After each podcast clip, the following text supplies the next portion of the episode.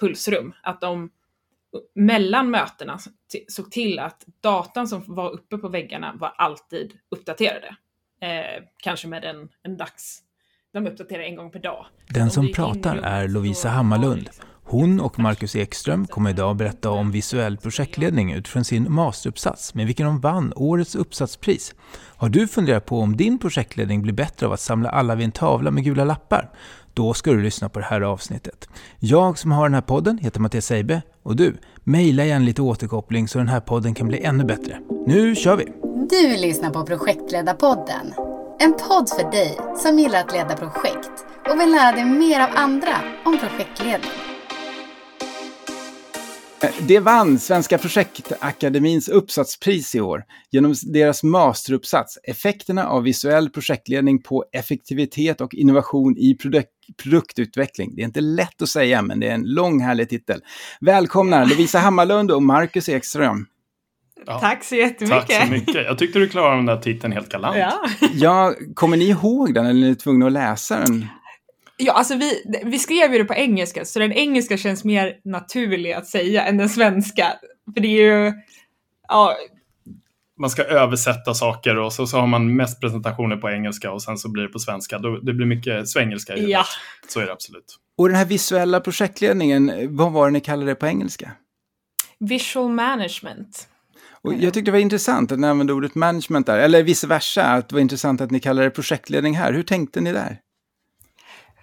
Vi tog det vedertagna begreppet på svenska. Eh, det är inte så vedertaget kanske, men det är, det är den formella översättningen. Eh, sen visuell projektledning eller visual management är ju mer än ett, ett projektledningsverktyg. Det behöver ju inte användas i just projektledning.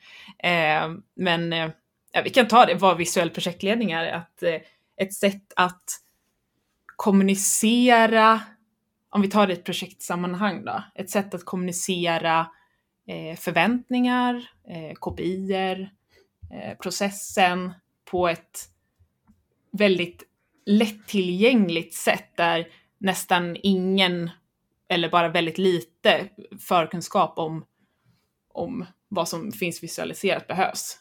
Um. Och där blev ju överlappningen ganska, för det var väldigt spännande. Vi satt där och, och slogs med hur vi skulle översätta titeln vi hade jobbat allting på och det heter visual management och det är det, det vedertagna uttrycket på engelska.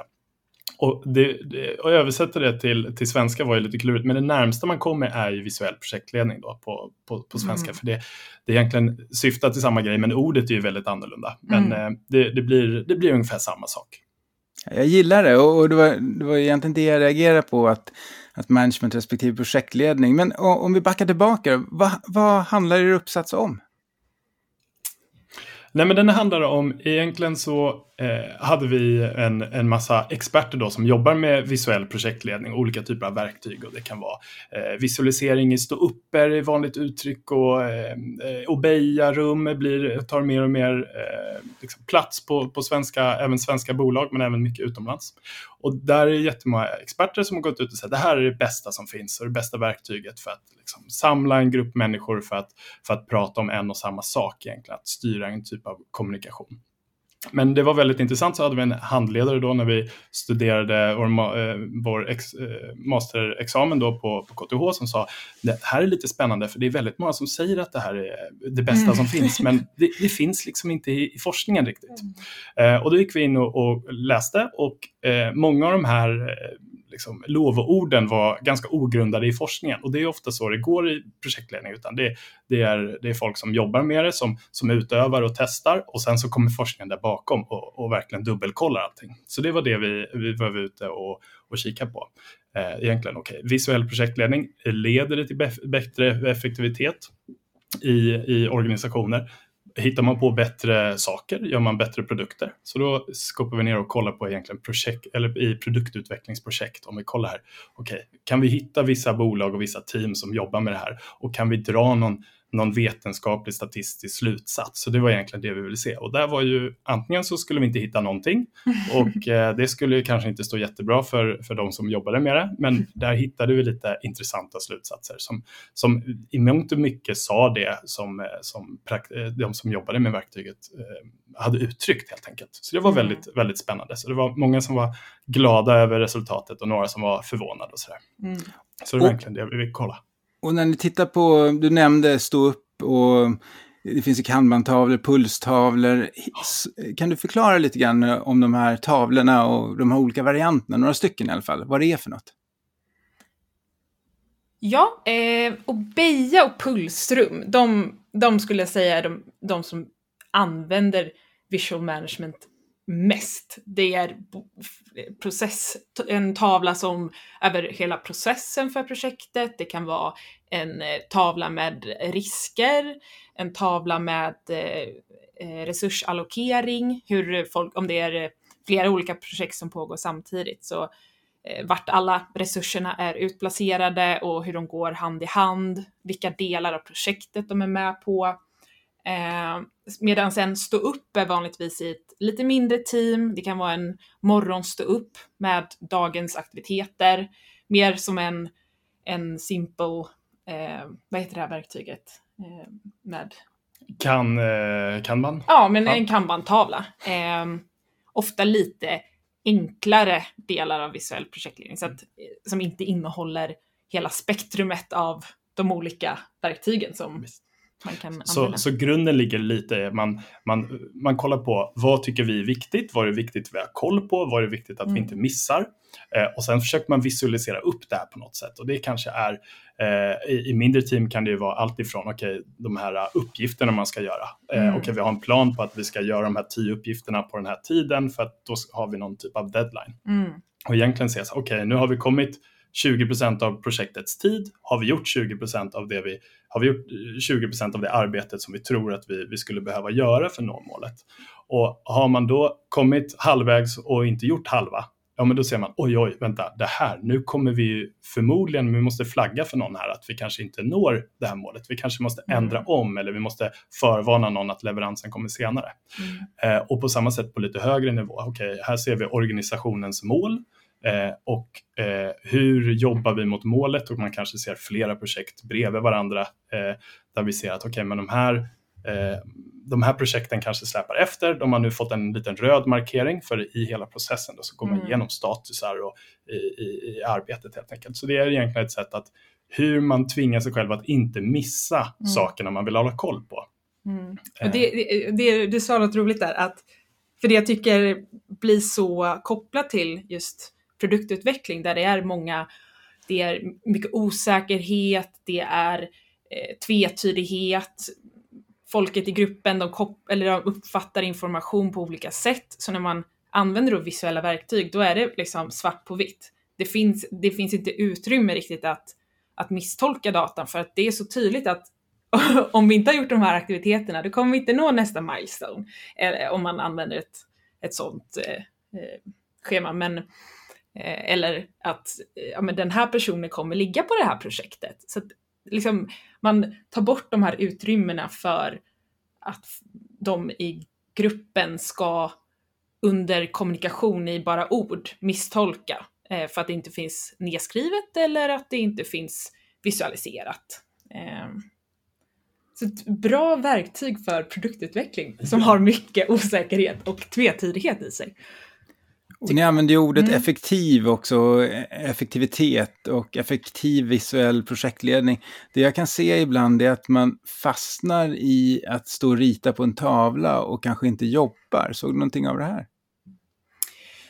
Ja, alltså det var när vi inte, i, under eh, den här, det här arbetet så intervjuade vi experter och, eh, och där lyfte de dels här, hur mycket information ska man ha och hur mycket är liksom tillräckligt för att man ska få ut så mycket som möjligt av det som, för, att kunna vara effektiv. Om man har alldeles för mycket data, då vet man inte vad man ska fokusera på. Eh, och Eh. Där finns det nog globalt också en risk för vissa som hade implementerat det kanske alldeles för ambitiöst och alldeles för mm. omfattande och fortfarande hade sina processer, sina vanliga processer vid sidan av. Så att det är en organisation som kanske nyligen hade eh, implementerat det. Mm. Då blev, var det en risk för dubbel, dubbelbokföring av allting. Så mm. det fanns två två sanningar egentligen. Det fanns det gamla systemet och så kanske det fanns det nya som, och egentligen så kollar man på den gamla dokumentationen och uppdaterade sina visuella verktyg då, eller tavlor. Eh, och där fanns det ju, där, det sög ju eh, tid och energi av alla anställda. Men så fort det blev att varenda beslut eller varenda eh, varje konversation förenklades av det här verktyget och det blev en naturlig del av i arbetet, att den mm. uppdaterades flö, eh, löpande och så vidare. Mm. Då, då, då mer hjälpte det, för det, det riktade konversationen, det blev tydligare och enklare att fatta beslut, man hade mer beslutsundergrad och, och, och alla pratade om egentligen mer eller mindre samma sak. Så det, det kunde verkligen eh, stjäla tid, men många gånger så gav det mer tydlighet och egentligen det blev fler möten kanske, men kortare. Men tiden blev mm. betydligt mm. kortare. Så eh, över tid så, så, där man kunde se att det verkligen var väl i, inkorporerat i, i arbetsprocessen, då, mm. då sparade det verkligen tid. Ja, alltså min uppfattning av det, det var inte det vi gjorde liksom, statistisk data på, men, men min uppfattning av det var att de som eh, hade till exempel ett pulsrum, att de mellan mötena såg till att datan som var uppe på väggarna var alltid uppdaterade. Eh, kanske med en, en dags... De uppdaterade en gång per dag. Så att om du gick in i rummet, då, då var det liksom ganska färskt. Så att när de kom in till mötet, skulle göra, gå igenom varje tavla, eh, kanske flytta aktiviteter eh, under mötet som hade behövt diskuteras för att kunna flyttas etc. Så så min uppfattning var att de mötena var ju mer effektiva. Um. Absolut. Mm. Och där var ju också eh, tavlan och de processerna, eller det, den, den tiden det kräver att underhålla tavlan, mm. det är ju inte för att underhålla tavlan i sig, utan det är mer för att styra konversationen och styra mm. fokuset hos, hos alla de anställda. Mm. Så det finns inget eget värde med att flytta en post-it-lapp från A och flytta den till B, utan det är vad händer med eh, den anställda som kanske flyttar post-it-lappen från A och B, okej okay, den personen vet nu vad den ska eh, fokusera mm. på. Och den har också tagit ett ägandeskap över den här, bara den, den, fysiska delen i att nu tar jag min lapp och flyttar den till eh, ja, till min rad på tavlan. Eh, att nu äger jag den här. För det var, alltså, byter lite ämne här, men det var intressant med eh, vi vissa av bolagen, de hade eh, virtuella, eh, de använde virtuella eh, visuella verktyg medan andra använde analoga. Och när vi hade en expertintervju så var han otroligt emot eh, virtuella visuella projektledningsverktyg. För att han, han såg en sån vikt i just det där att de tar sin lapp och äger den och att de är en del av, av eh, utvecklingen av hur, hur projektet ska styras och ledas och, eh, och de får själva liksom, ja men jag, jag, jag kan ta på mig den här aktiviteten. Då tar de lappen och sätter den under sig själva. Vi på Projektledarpodden är jätteglada att meddela att detta avsnitt är sponsrat av Astrakan Strategisk Utbildning AB. Astrakan har några av marknadens bästa projektledarutbildningar. Till exempel så är den certifieringsförberedande utbildningen som de har den enda i Sverige som uppfyller samtliga kompetenselement från IPMA. Nu kan du som lyssnar på Projektledarpodden få 10% rabatt på kursavgiften. Ange bara rabattkoden PP21 PP med stora bokstäver, vid bokningen på astrakan.se. Boka nu, då antalet rabatterade platser är begränsade. Erbjudandet gäller enbart nybokningar och kan inte kombineras med andra rabatter och avtal. För fullständiga villkor, se astrakan.se. Jag vill backa tillbaka lite och höra lite grann om vad den gamla litteraturen sa och de här experterna ni började prata med. Vad sa de? Ja, vi var i kontakt med ett nätverk med eh, massa professorer och experter som jobbade med lean och specifikt eh, olika visuella verktyg eh, och metoder. Och eh, där, ja, de flesta var ju helt frälsta av det här verktyget och såg det här som, det här är framtiden för företag att möta dagens utmaningar och ja, men alla borde köra på det här. Och med dagens eh, utmaning menar vi liksom större komplexitet, ja. en, en produkt där nu inte det är liksom inte trähandtag och en, en liten hammare utan det är elektronik och mjukvara och ja. allt möjligt. Alla, all, massor med komplexitet ökar hela tiden med, med egentligen alla nya produkter som kommer, i regel. Sådär. Mm. Och eh, från deras egna utövande med att implementera till exempel ett Obeya-rum eh, på ett företag och, eh, eller ett pulsrum så såg de ju, det var en som lyfte det här att ja, men det här är inte ett verktyg för alla. Det, det passar ungefär 80 procent eller vad man sa. Eh, men resterande kommer aldrig, de kommer aldrig gilla det. det. Det kommer inte vara grejen för dem. Um, Där var ju vi väldigt sugna på. Var ja. kommer de här 80 procenten ifrån? Ja, liksom, vad va, va, va, har du fått den siffran? Ja. Det, det... Men det var någon, någon sån där känsla. Och där var det väl eh, eh, de här 80 procenten eh, tyckte väl om att det var egentligen det sättet de fick. De kunde gå in i det rummet, få känsla över eh, vad är det som försiggår. Den här mm. känslan av att jag vet vad som händer, jag förstår vad mina kollegor gör, jag förstår att jag ligger rätt till i, i, i tiden kanske och eh, det jag håller nu på att leverera ser det ut att, att hålla plan helt enkelt. Mm. Så 80% tyckte det var väldigt skönt och resterande 20 eh, enligt honom då tyckte väl att ett, ett nytt sätt att arbeta är alltid bökigt om man inte är helt villig att acceptera ett nytt sätt eh, att eh, arbeta och dela med sig eh, så är man väl automatiskt emot det för det blir väldigt, väldigt eftersom man verkligen visualiserar vad som försiggår. Eh, mm. Så det är ingenting som göms undan utan allt som är bra eller allt som håller planen, det syns och allt som inte går som planerat blir väldigt, väldigt synligt och det gör det för alla organisationer. Så säg att du har ett rum då för ett team och där strukturerar ni ert arbete. Men i, i många fall så är det också eh, säg rummet eller det som visualiserat eh, möjligt för hela organisationen, kanske för ledningen, kanske för andra kollegor och andra team. Eh, och är man då emot det, då, eh, det är bland det värsta som kan hända. Eh, och då var det väldigt abrupt att Antingen så eh, då flyttar man på den människan helt mm. enkelt. För det krävs att alla ska vara med och, och vilja mm. få det funka helt enkelt. Sen, sen när vi grottade ner oss lite i vad, vad han faktiskt menade med det och, och eh, ja, men varför vissa var emot så var det ju, han, han, var väldigt tydlig med att det här är inte en plug and play metod. Du kan inte bara slå upp tavlorna och förvänta dig att det ska fungera utan det är en implement, det är ett byte av vi säger att teamet, de är vana att arbeta, de har jobbat på samma sätt i tre år och nu ska det komma en ny, nytt sätt att arbeta, utan det behövs en tydlig Obeya-coach till exempel, som hjälper dem att ta de här stegen, att börja arbeta på ett nytt sätt och också förmedla värdet av det. Ehm, och där kan man ju verkligen förstå att eh, var han har fått de här siffrorna ifrån, att ja, men om, om man bara slänger in ett rum och så förväntar sig att teamet ska arbeta utifrån det, då, då blir det ju antagligen inte så lyckosamt. Så att, eh...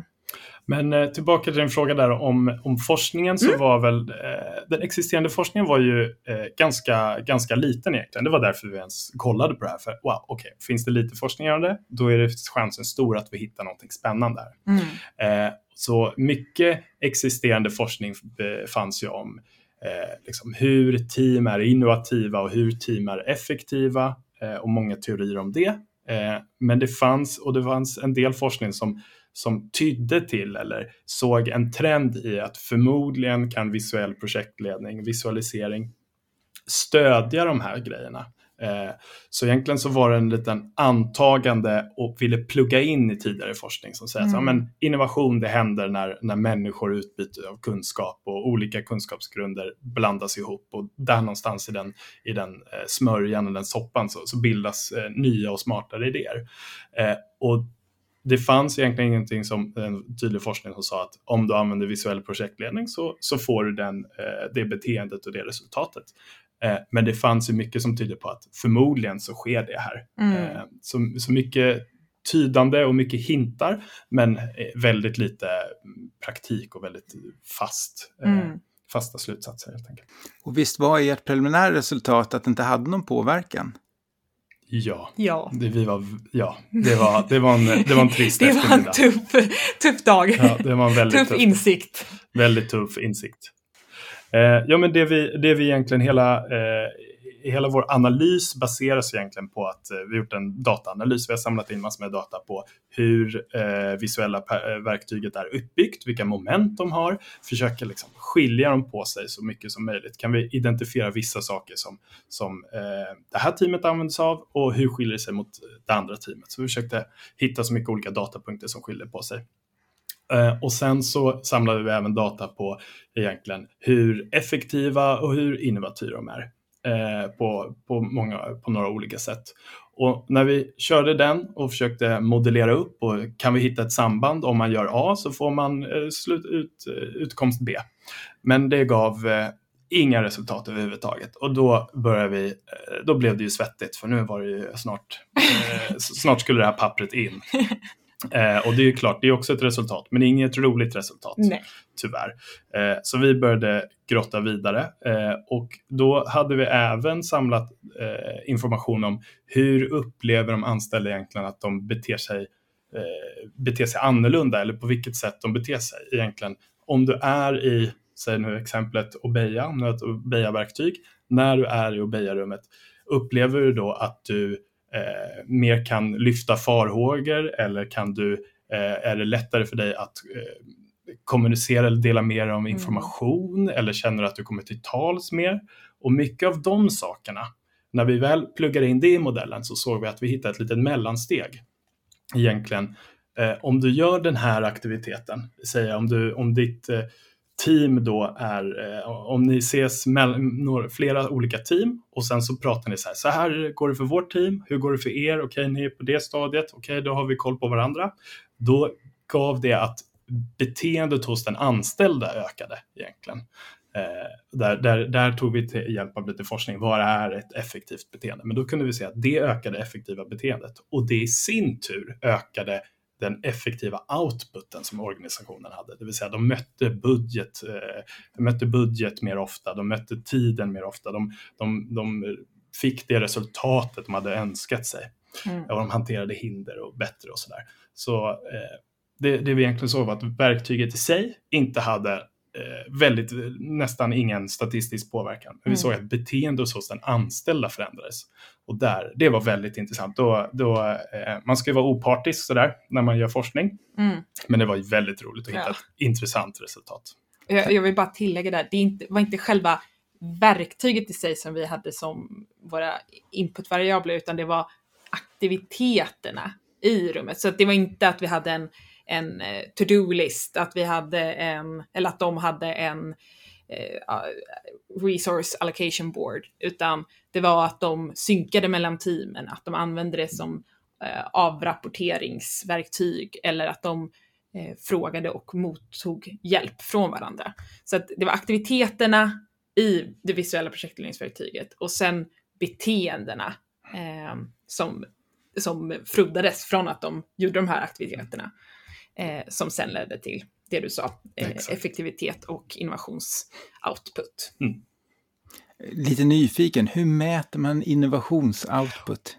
Oh, det var en otroligt eh, svår fråga för oss. Ja. När vi, så här, hur, okej, vi har sex månader och eh, det är väldigt svårt då att, eh, jag hade ju önskat att vi hade haft, eh, gjort det här som en, en, eh, en uppsats där vi hade liksom flera år på oss att mäta innovationen över tid. Nu var det ju ett, ett nuläges, men, så här, eller ja, vi, vi frågade dem hur, över de sex senaste månaderna och från att ha använt det och inte använt det.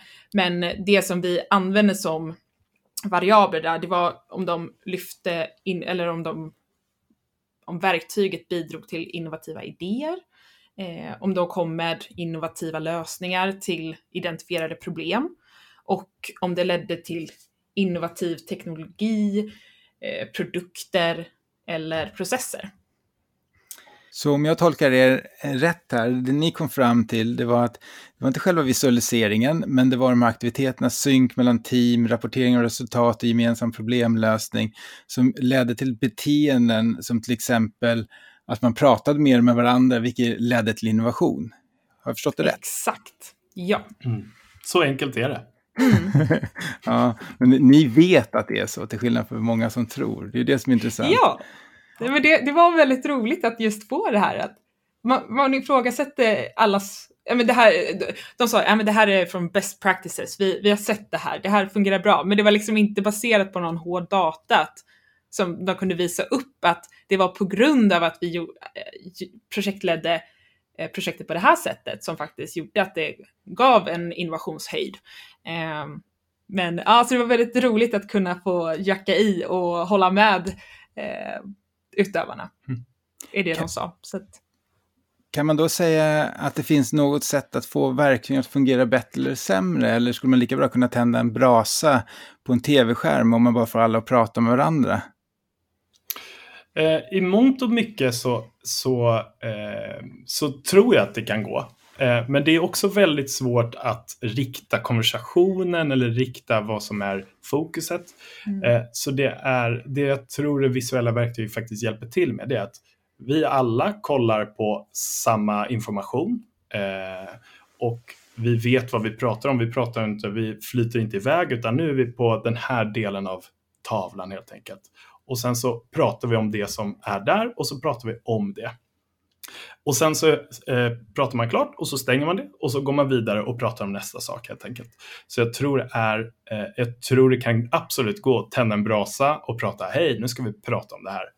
Men det blir också svårt att hålla konversationen där man vill ha den. Och där, om man ser att konversationen går åt fel håll, ja men då tweakar man lite på det, kanske man, det man kollar på tillsammans. Tills man vet att om vi kollar på det här, då pratar vi om rätt saker, vi ser rätt information, vi gör beslut på, med rätt underlag. Eh, så det är, om man har jättegott minne och vi nu bestämmer oss, vi ska bara tänka på det här och vi ska prata om det här, då går det. Men jag tror att det är otroligt utmanande. Mm.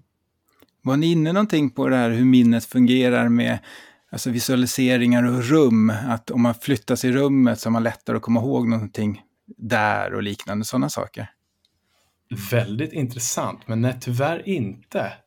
Nej, vi, vi hade inte med det, men, men jag har ju hört, alltså det här är ju precis som eh, alla utövarna sa, jo men det, det är så det funkar, nu pratar jag utan en grund, men det är, om jag pratar från egna eh, egna eh, tidigare erfarenheter så jag kommer ju mycket lättare ihåg om någon, eh, när någon har talat och haft en powerpoint bakom sig eller och visat och pekat och jag, jag använder liksom både min syn och min hörsel och kanske till och med att jag känner på någon prototyp som de håller på och utvecklar. Att det, eh, det de sa, eller den informationen som jag tog till mig det, i det tillfället, det sitter mycket eh, jag kan liksom rabbla upp det mycket lättare än om någon kollega nämnde någonting i förbifarten eh, och eh, med samma informationsinnehåll egentligen, men det, det fastnar liksom inte lika lätt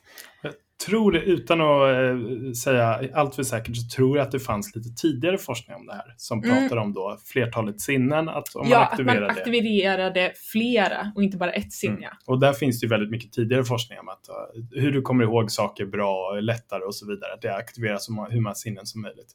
Och det är det här pluggar in lite i också. Mm. Eh, men ingenting vi kollade på precis så.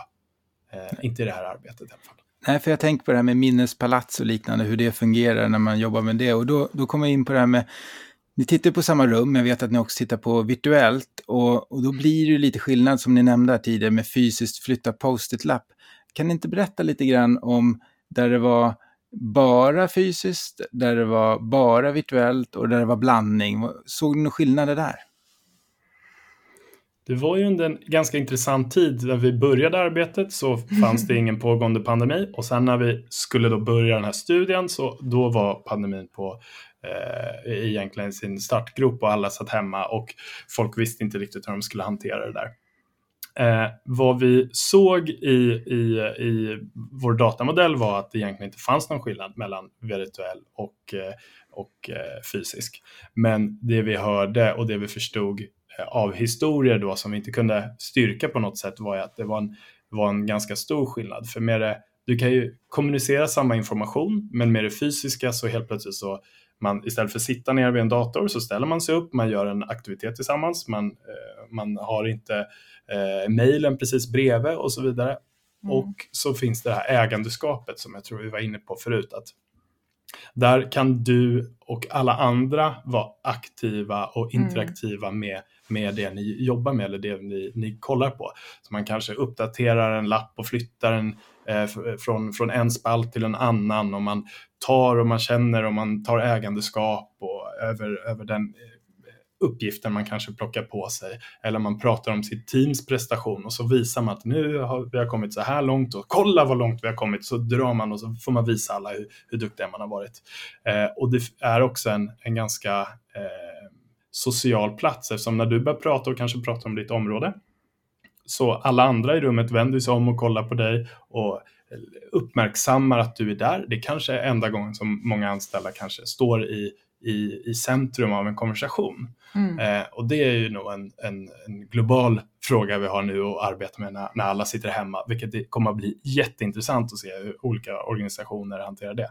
Men det var, det var mycket av de sakerna, de som verkligen hade jobbat med, med, med visuell projektledning väldigt länge, de var eh, väldigt starka förespråkare. Att man ska ses, man ska prata, man ska kolla varandra i ögonen, man ska ta och klämma och känna och hit och dit. Eh, så den fysiska aspekten var väldigt viktig där. Men ingenting vi såg i, i datan tyvärr. Nej. Jag kan nog bara tänka utifrån egna erfarenheter här att när man själv har virtuella möten kontra fysiska möten, att i alla fall min engagemangsnivå eh, är otroligt mycket högre och speciellt om man är den som leder mötet. Att, att leda och stå framför en tavla och alla kollar på en och utan att de behöver säga ja, jag håller med, så kan du se på deras kroppsspråk eller i alla fall tolka deras kroppsspråk som att du har medhåll i det du säger eller liknande. Och om du håller en presentation via Teams, eh, då ser du antagligen bara din egna presentation och inte alla som sitter och nickar eller gör eh, Sitter och sover. Eller kanske. sitter och sover. så att eh, just det där med engagemangsnivån tror jag kan ha en stor mm. inverkan. Och det påverkar ju det arbetet vi pratar om, visuell projektledning, men även eh, alla andra arbetsplatser mm. eh, runt om, om hur man hanterar eh, efter mötet så kanske man bollar. Hur, hur, var, hur upplever du det här mötet? Upplevde du och jag det på samma sätt? Det här beslutet nu, mm. Hur ska vi hantera det? Utan nu när det är virtuellt så är mötet över och så stängs datorn ihop.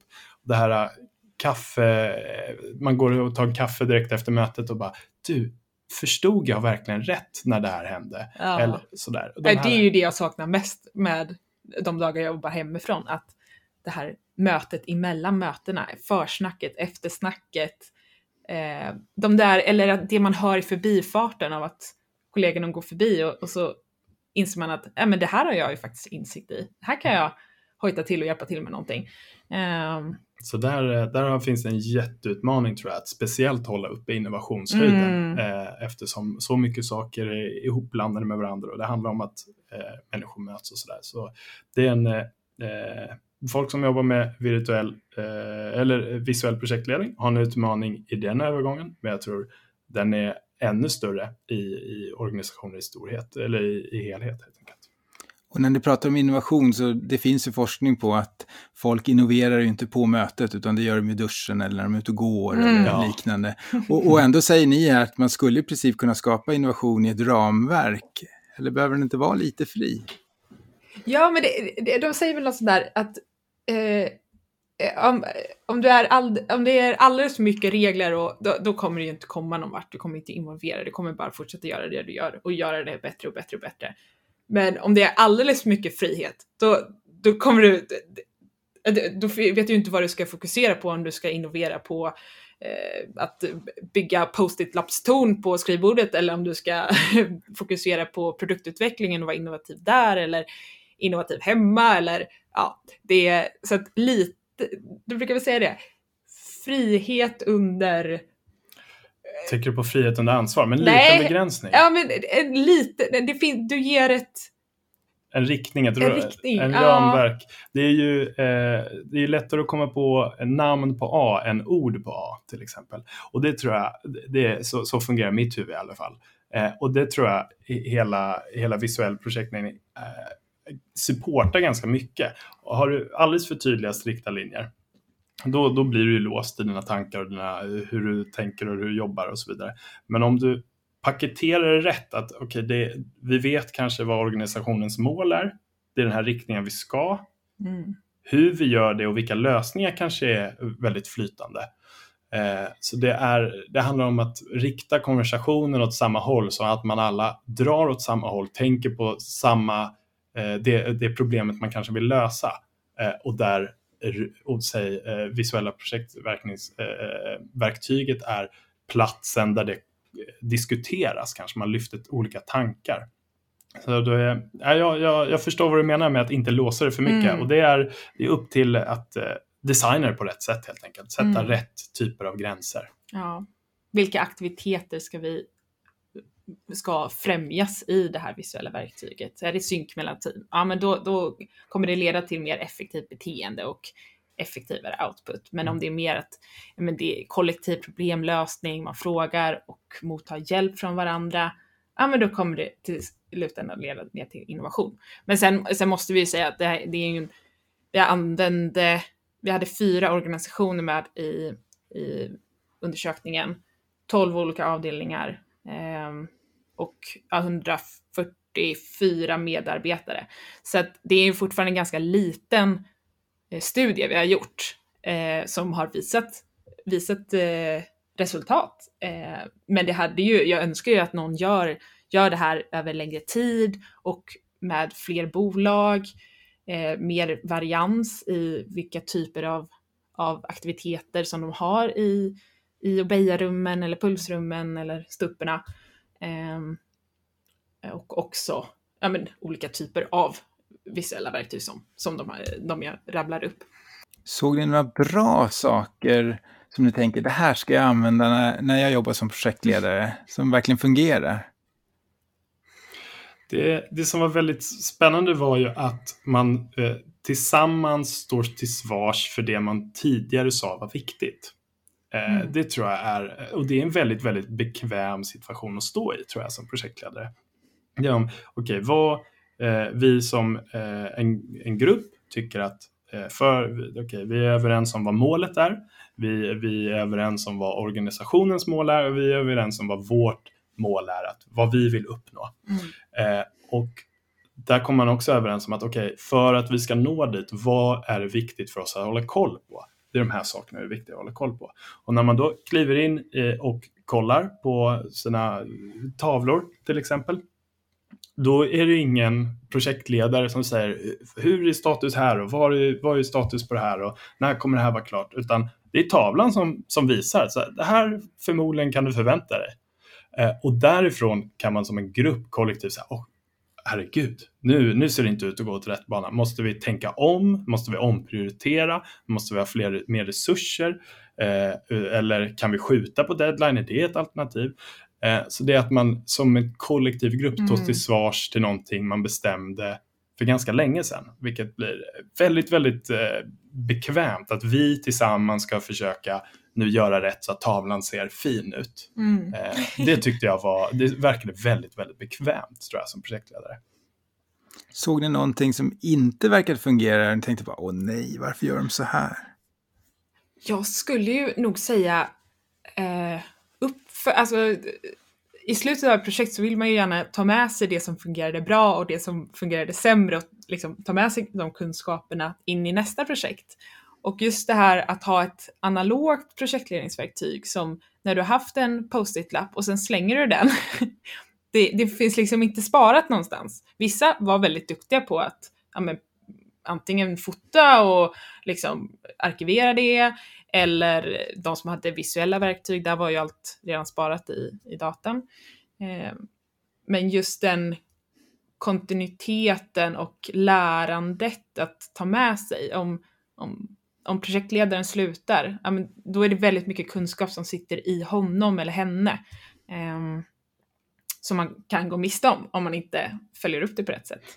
Det skulle jag nog säga är en, en tanke som jag, som vi inte utforskade så mycket i och med att det var utanför vårt scope, men som jag ifrågasatte och sen en annan sak är ju också här, den här känslan av att nu, nu kommer någonting som, som, eh, som löser vårt problem eller sådär. Mm. Utan det, är, det ska finnas ett tydligt syfte till varför man eh, implementerar det. Fanns inte det syftet på plats och förstod inte alla personer som skulle jobba i verktyget varför man ens implementerar, varför man gör en förändring. Det hela generella förändringsarbete. Man måste ha med alla med sig på tåget att nu ska vi eh, jobba på det här sättet. Det är på grund av att vi ska ha bättre koll på våra deadlines.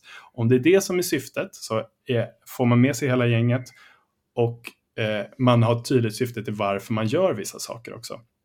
Det var väldigt, eh, när, när man skulle implementera visuell projektledning som skulle vara en quick fix för allt och Sen så gav man upp efter en, två månader och eh, det där, de där tavlorna uppdaterades inte för det funkade inte helt enkelt.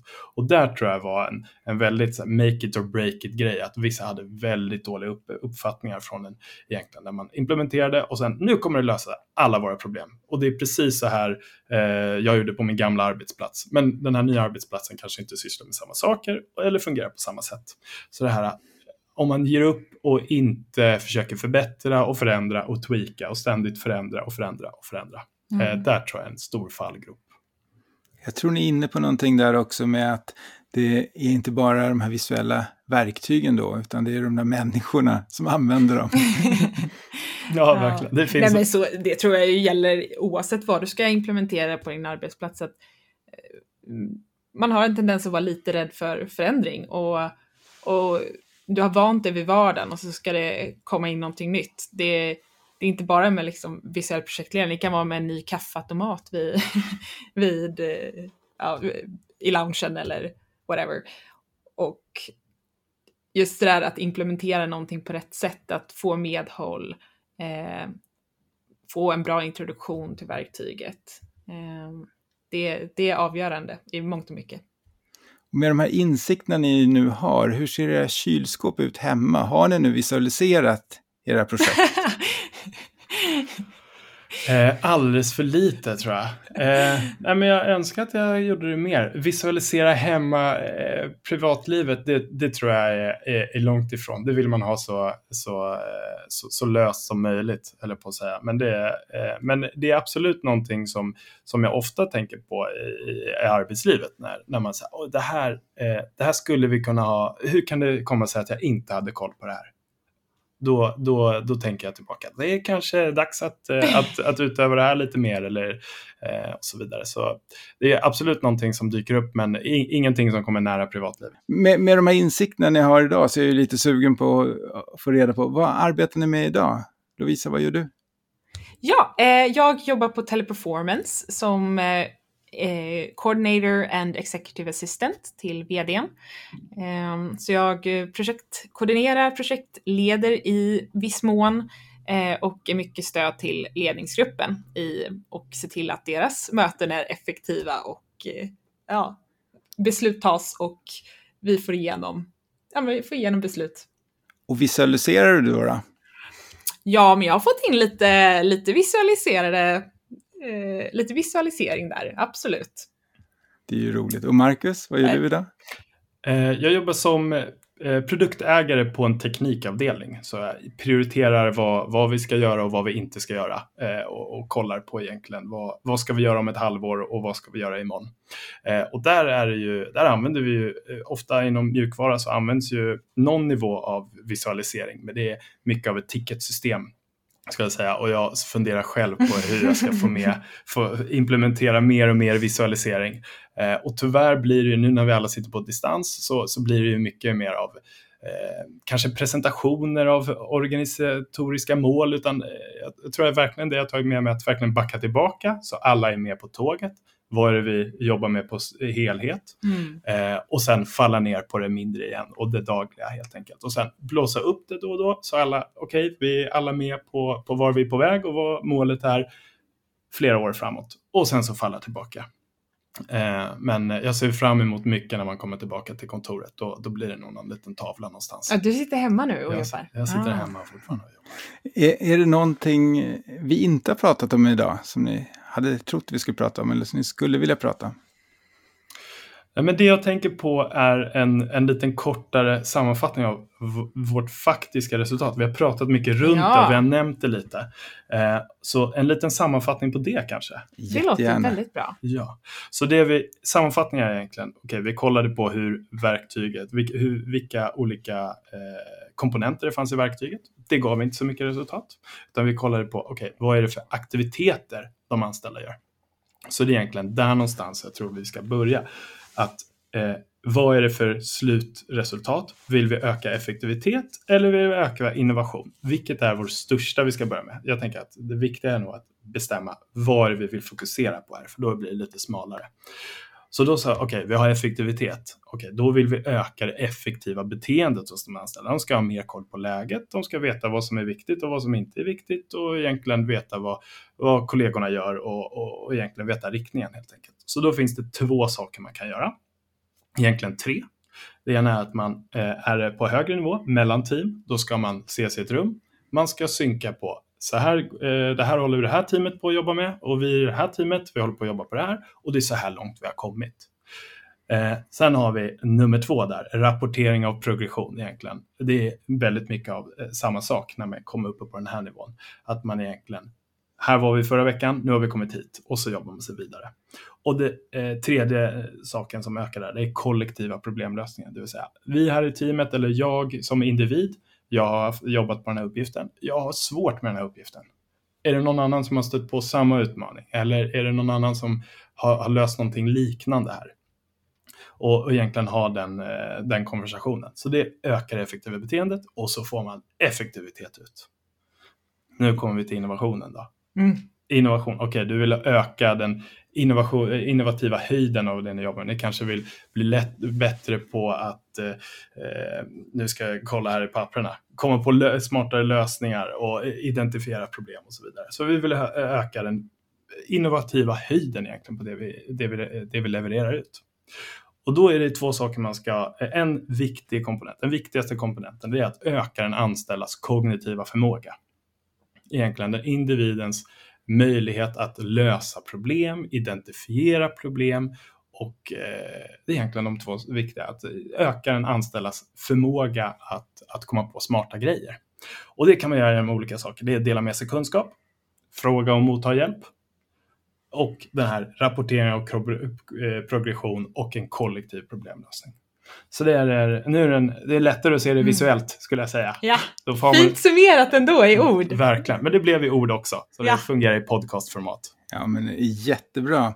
Och om ni har något material eller någonting så kan vi ju länka till det i anteckningarna sen. Jag vet att det finns en video bland annat. Absolut, kan... det finns video, det finns master thesis och snart finns det även en artikel Jättebra. Då, då länkar vi till det i anteckningarna till det här avsnittet. Ja, så.